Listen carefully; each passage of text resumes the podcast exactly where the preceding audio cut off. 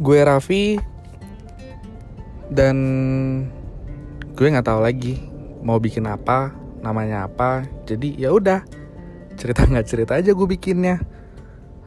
Nggak tahu juga apa yang mau diceritain. Ya kalau emang ada yang mau ceritain ya ntar gue ceritain. Ataupun dengerin teman-teman gue cerita. Ya udah gitu aja sih dari gue. Terima kasih.